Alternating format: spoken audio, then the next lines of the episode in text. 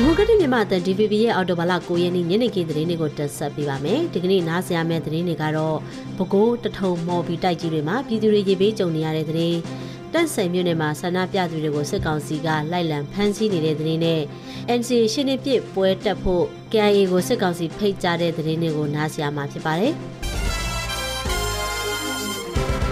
ပဲခူးမြို့မှာမိုးအဆက်မပြတ်ရွာသွန်းပြီးမြို့ပေါ်ရက်ကွက်နဲ့ကျေးရွာတချို့မှာရေဝင်ရောက်နေတယ်လို့ပဲခူးပြည်သူစေယုံကြီးနဲ့ကယ်ဆယ်ရေးစခန်းတွေမှာရေဝင်နှိမ့်မြုပ်နေပြီးအကူအညီတွေလိုအပ်နေတယ်လို့မြို့ခံတွေစီကနေသိရပါဗျ။ အော်တိုဘာလ9ရက်နေ့ကစပြီးမိုးအဆက်မပြတ်ရွာသွန်းမှုကြောင့်ပဲခူးမြို့အနှိပ်ပိုင်းရက်ကွက်တွေမှာရေဝင်ရောက်ခဲ့လို့အဲ့ဒီရက်ကွက်တွေအတွင်းနေထိုင်သူတွေကိုလူမှုကူညီရေးအသင်းတွေက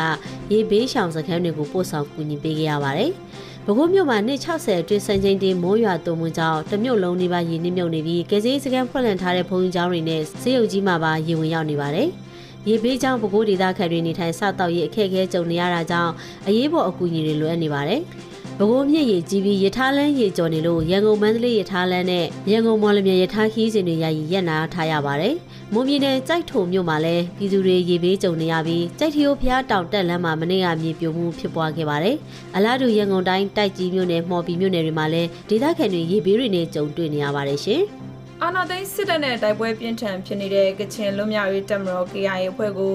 တနိုင်ငံလုံးပြစ်ခတ်တိုက်ခိုက်မှုရစဲရေးစာချုပ် NCA ရှင်းနေပြည့်ခန္ဓာမှာပါဝင်တက်ရောက်ဖို့ စစ်ကောင်စီကဖိတ်ကြားထားတယ်လို့ KIA ကပြောပါတယ်။ကချင်ပြည်နယ်ပါဝင်နိုင်ငံတော်မှာတိုက်ပွဲတွေပြင်းထန်နေပေမဲ့စစ်ကောင်စီကတော့အော်တိုဘာလ15ရက်မှာ NCA ရှင်းနေပြည့်ခန္ဓာကိုနေပြီးတော့မှကျင်းပဖို့စီစဉ်နေတာပါ။ဒီခန္ဓာတက်ရောက်ဖို့စစ်ကောင်စီရဲ့ဖိတ်ကြားစာကို KIA ဘက်ကလက်ခံရရှိထားပေမဲ့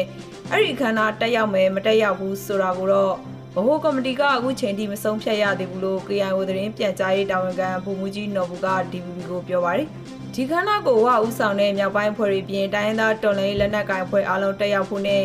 ငင်းငင်းဆိုင်ရာကိစ္စတွေဆွေးနွေးကြဖို့ဆိုပြီးစစ်ကောင်စီကဖိတ်ကြားထားပါတယ်။တမ်းမျိုးသားလူမျိုးရေးတက်မတော် DNL ဘက်ကတော့အခုချိန်ထိစစ်ကောင်စီရဲ့ဖိတ်ကြားစာမရသေးဘူးလို့ DNL ပြောရေးဆိုခွင့်ရှိသူ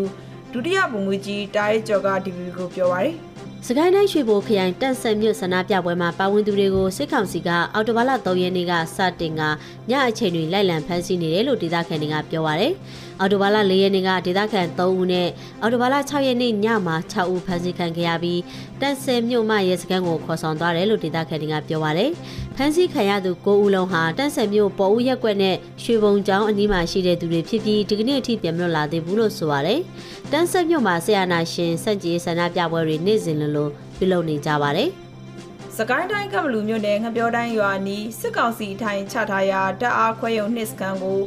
ပြည်သူ့ကာကွယ်ရေးဖွဲ့တွေကဒီကနေ့အော်တိုဘာလ9ရက်မနက်ကဝင်ရောက်စီးနင်းရာကတိုက်ပွဲပြင်းထန်နေတယ်လို့ဒေသခံတွေကပြောပါတယ်။ အဆိုပါတပ်အားခွဲရုံမှာစစ်ကောင်စီတပ်ရင်အား100လောက်ထိုင်ချထားပြီးကမလူကောလင်ကားလမ်းပေါ်သွားတဲ့ခီးတဲ့ကားတွေကိုငွေကြေးကောက်ခံတာတွေပြုလုပ်သလိုဒေသခံပြည်သူတချို့ကိုဖမ်းဆီးရိုက်နှက်စစ်ဆေးတာတွေလည်းလှုပ်ဆောင်လေးရှိတယ်လို့ဆိုပါတယ်။အခုတိုက်ပွဲဖြစ်နေတဲ့စစ်ကောင်စီတပ်ဟာတအားခွေရုံမှာတက်ဆွဲထားပြီးစက်တင်ဘာလ25ရက်နေ့မှာအောက်တိုဘာလ9ရက်ထိကမ်ဘလူမြို့နယ်အတွင်းလှည့်လည်စစ်ကြောင်းထိုးနေတာလို့ဒေသခံပြည်သူကာကွယ်ရေးကောင်းဆောင်တွေကပြောပါတယ်စစ်ကောင်စီတပ်ဟာအောက်တိုဘာလ6ရက်နေ့ကကျေးပင်အပ်ရွာမှာ အင်းလက်ကြီးရွာတွေကိုစစ်ကြောင်းထိုးပြီးအင်းလက်ကြီးရွာကအသက်15နှစ်အရွယ်ကလေးငယ်တဦးပါဝင်အသက်30အရွယ်မျိုးသား2ဦးကိုဖမ်းဆီးထားကဒီကနေ့ထိပြန်မလွတ်ပေးသေးဘူးလို့ဒေသခံတွေကပြောပါတယ်